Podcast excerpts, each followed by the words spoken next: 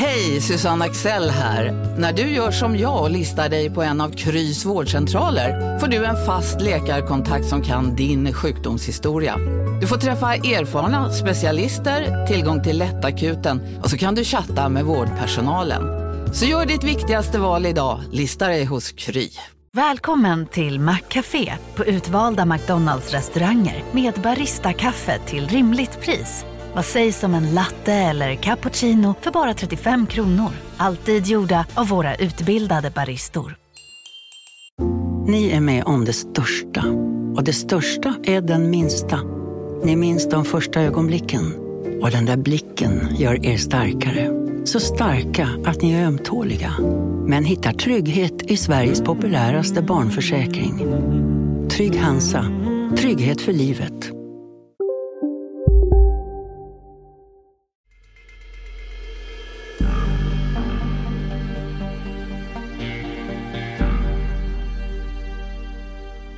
Det är en mellanvecka här i podcasten Säkerhetssalen men jag har en lite mindre berättelse jag vill dela med mig av så länge. Det här extra avsnittet handlar om människorna som försvinner i rättssalen. Den senaste månaden har jag lagt märke till på de som syns men nödvändigtvis inte hörs så mycket i rättssalen. De är inte huvudpersoner men ändå absolut avgörande. De krävs för att en rättegång ens ska äga rum och en dom kan falla på ett rättssäkert sätt. Jag har fått upp ögonen för två yrkesroller. Den ena vars främsta uppgift är att prata men inte tycka. Den andra att tycka men inte prata. Vi börjar med den första, tolken. I förhörssituationen kom du ihåg just den här transaktionen och kom ihåg att den hade skett.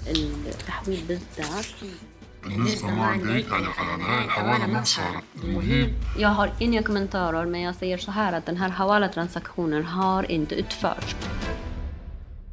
När det går snabbt i rättssalen, kanske intensiva meningsutbyten, personer som pratar i mun på varandra eller när någon börjar rabbla sidonummer och gräva bland papper, så finns det en person som är extra spännande att titta på. Tolken. Ofta sitter den bredvid den tilltalade och återger allt det som sägs, djupt fokuserad.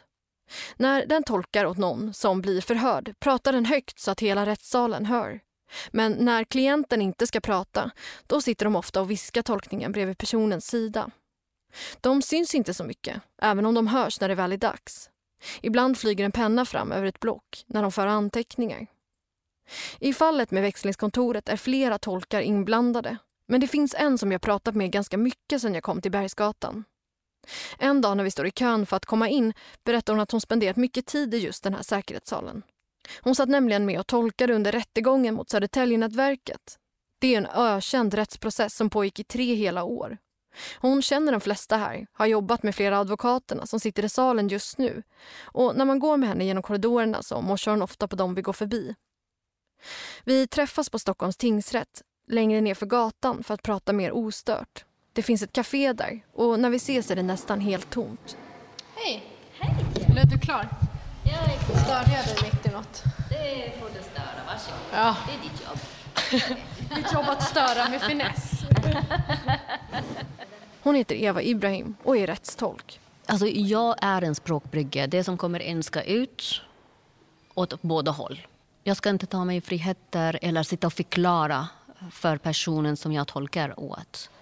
Eh, det händer ibland att man eh, liksom eh, glömmer bort den mänskliga faktorn, går in och så om personen i fråga ber om en upprepning så händer det att oj, jag upprepar samma fråga.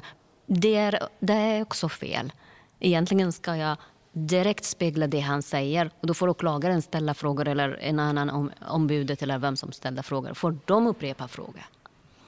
Om någon ställer frågan “Vad sa du?” så ska Eva Ibrahim inte svara på det, utan översätta. Vad sa du? Vi ska aldrig ha en konversation. Jag har ett minne av en ordförande som bad mig att upprepa vad personen eh, sa. Jag minns, och det här var länge sedan, jag minns att jag sa till eh, ordförande, det kommer jag inte ihåg, jag jobbar med 30 sekunders minne. Vad, vad tycker du är det svåraste med att vara rättstolk? Ja, man får inte blanda in känslor. Vi är människor. Eh, vi får se ibland och höra om en annan människas grymheter mot en person. Eh, det är svårt. Det är jättesvårt, särskilt om målsägande är ett barn. Det är en av de svåraste liksom, sakerna vi får uppleva. Vi, vi, får uppleva det här, vi får lyssna på allting, vi ser eh, och vi vet och sen går vi hem med det här som vi inte får liksom, yppa något om. Det det svåraste, absolut.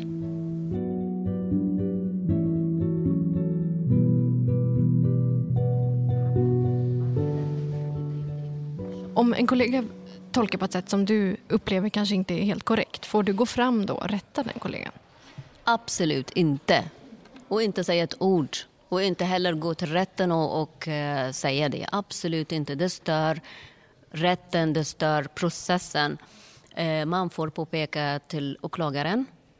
Om det, det ska vara riktigt, riktigt grova fel som är avgörande för målet, då kan man påpeka till en advokat, till åklagaren. I vissa fall kan man påpeka till ordförande. Eh, men man får aldrig, aldrig gå eh, till tolken som sitter och tolkar och störa denna i hans yrkesutövning. Aldrig. För det är liksom, du förstör hela det här lugnet som man, ska, som man behöver för att fokusera och tolka. I början av 2000-talet tolkade hon som ett extra knäck. Sen ställde hon helt om och hamnade till slut i rätten.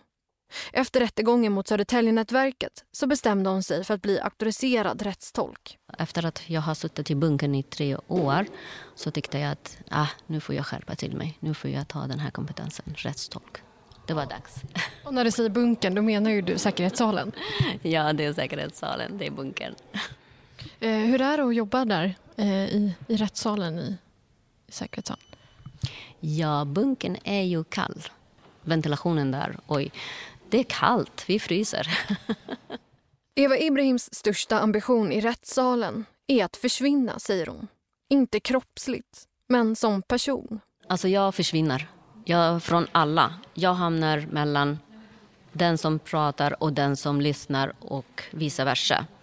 Eh, och det kan man se genom om jag hamnar verkligen i min flow, i min tolkningsflow, då speglar jag även känslor. Då kan man se att jag blir irriterad. Som den här personen han pratar med irritation, då pratar jag också med irritationen. Den här personen har höjt rösten, då höjer jag också rösten. Eller den här personen pratar väldigt lugnt, då pratar jag också väldigt lugnt. Men kunde man göra allt det man brukar kunna göra på den där enkron? Alltså, det som jag har förklarat förut när det gäller det här. Det här enkro, även om jag skulle få liksom en hawala på den, någon, någon information om Hawala på Encro-telefonen så måste jag, alltså, jag måste ju fortsätta med informationen på signal eller på Whatsapp. Vi hade en lärare hon lärde mig en sak. Att den dagen någon tolkanvändare säger till mig och jag har glömt bort att du fanns i rummet. Det Big Mac har miljarder fans över hela världen. Under mer än 50 år har den skapat popkulturell historia. En legend med 100% nötkött och den mytomspunna såsen. Nu finns Big Mac för bara 39 kronor på McDonalds. Okej hörni, gänget! Vad är vårt motto? Allt är inte som du tror! Nej, allt är inte alltid som du tror. Nu täcker vårt nät 99,3 procent av Sveriges befolkning baserat på röstteckning och folkbokföringsadress. Ta reda på mer på 3.se eller i din 3-butik. Hej, Synoptik här. Livet med glasögon ska vara bekymmersfritt. Därför får du 30% på alla glasögon när du väljer Synoptik All Inclusive. All service ingår alltid. Välkommen till Synoptik. Är en komplimang för en tolk. Vi ska vara gråa och vi ska försvinna. Vi ska inte finnas, liksom. Men tolkningen ska vara så smidig att vi glöms bort.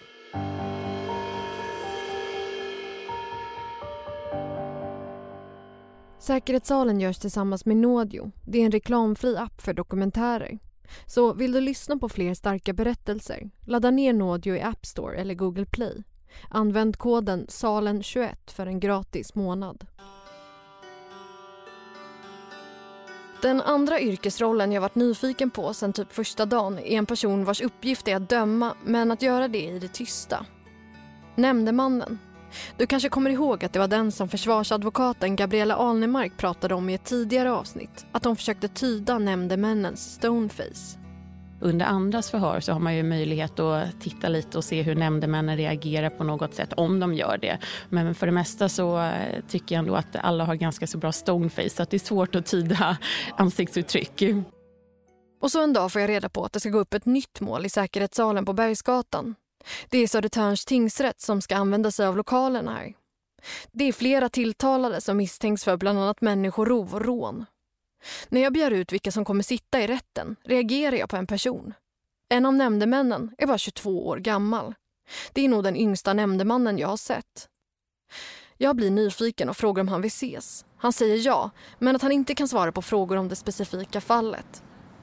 Vi ses i Polishusparken, det lilla grönområdet som ligger mellan Stockholms tingsrätt och det stora polishuset. Varje vecka hittar jag nya, lite mer tillbakadragna platser här i kvarteret med mer eller mindre livliga ljudbilder.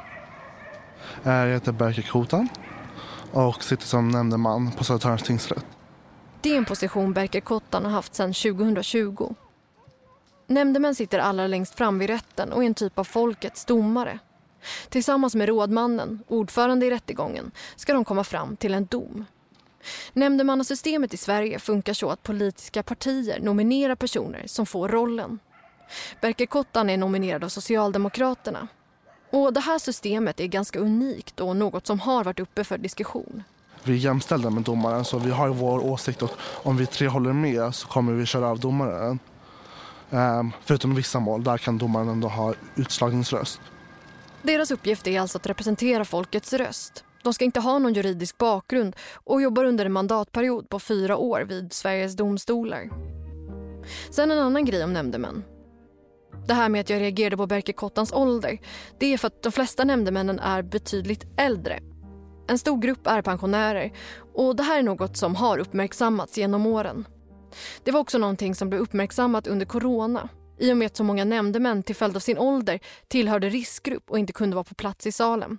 Enligt en sammanställning som P4 Stockholm tagit del av är över 800 nämndemän i domstolarna 70 år eller äldre.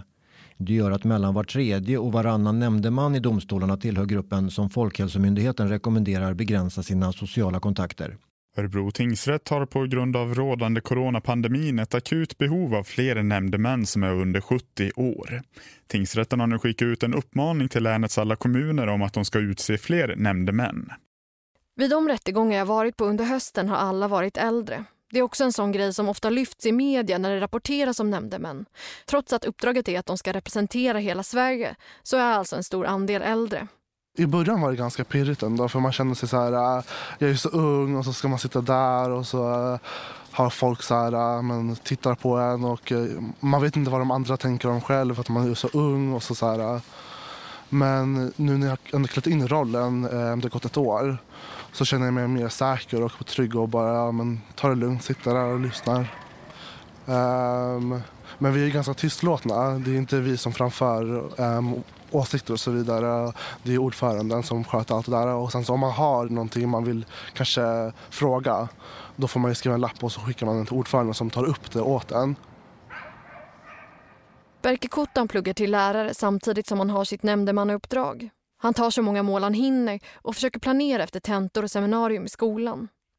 Nämndemän tjänar 500 kronor för en hel dags arbete i domstolen. Så det är inget han går runt på. Nej, alltså det här är mer ett um, uppdrag man har vid sidan om. Och sen så självklart så lyfter till exempel vår um, Nämndemäns riksförbund. De lyfter upp den frågan om att höja det till 1000. Um, ehm, självklart så skulle det vara något som är bra för vi har fått mycket tyngre mål och ja, dagarna blir längre och längre. Ehm, och hotbilden ökar och så vidare. Men uppdraget är inte för att man vill tjäna pengar eller någonting. Det är ju bara för att man vill göra en tjänst i samhället och um, ja, men, vara en demokratisk medborgare. Eh, och vad skulle du säga är det svåraste i din, i din roll som nämndeman? Det är um, att tolka vad som är inte kanske sanningen, men det mest eh, styrkta påståendet eh, från eh, de olika sidorna. Vem har eh, ja, men, gjort den korrekta beskrivningen av händelseförloppet? Så det är nog det som är jobbigast och eh, som kräver ganska mycket av en själv. Och sen så är det också juridiska för man vet inte vad lagen säger förrän efter målet. Man kan läsa upp själva på vad människorov är eller och så vidare. Eller vad narkotikabrott är och sen så förstå därifrån. Rättegången som Berke Kottan är nämndeman vid handlar bland annat om människorov och rån. Han säger att det är ett exempel på ett svårare mål, allvarlig brottslighet, teknisk bevisning och att mycket av åklagarnas påståenden måste styrkas. Personerna är anklagade för att ha varit inblandade i kidnappningen av en man i Flemingsberg en januarinatt där han enligt åtalet ska tvingats överföra hundratusentals kronor i kryptovaluta till en av de tilltalade personerna. Pengarna har i sin tur överförts för att till slut hamna någonstans som enligt polisen inte har gått att spåra. Men det som också sticker ut är de tilltalades ålder. De flesta är i 18-årsåldern och sitter häktade med fulla restriktioner. Snart kommer du få höra mer om det här i säkerhetssalen.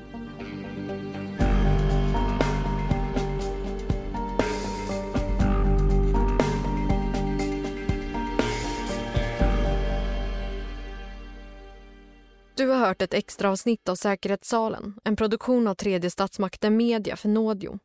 Producent är Anton Vretander, ljudtekniker Johan Hörnqvist och ansvarig utgivare är Mark Malmström Fast. Jag heter Lova Nyqvist Sköld och vill du diskutera avsnittet och ta del av extra material, gå med i Säkerhetssalen Eftersnack på Facebook. Har du tips så kan du nå mig via mejl på säkerhetssalen nådio.app.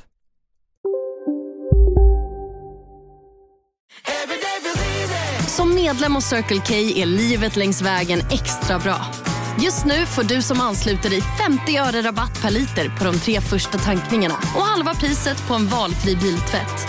Och ju mer du tankar, desto bättre rabatter får du. Välkommen till Circle K.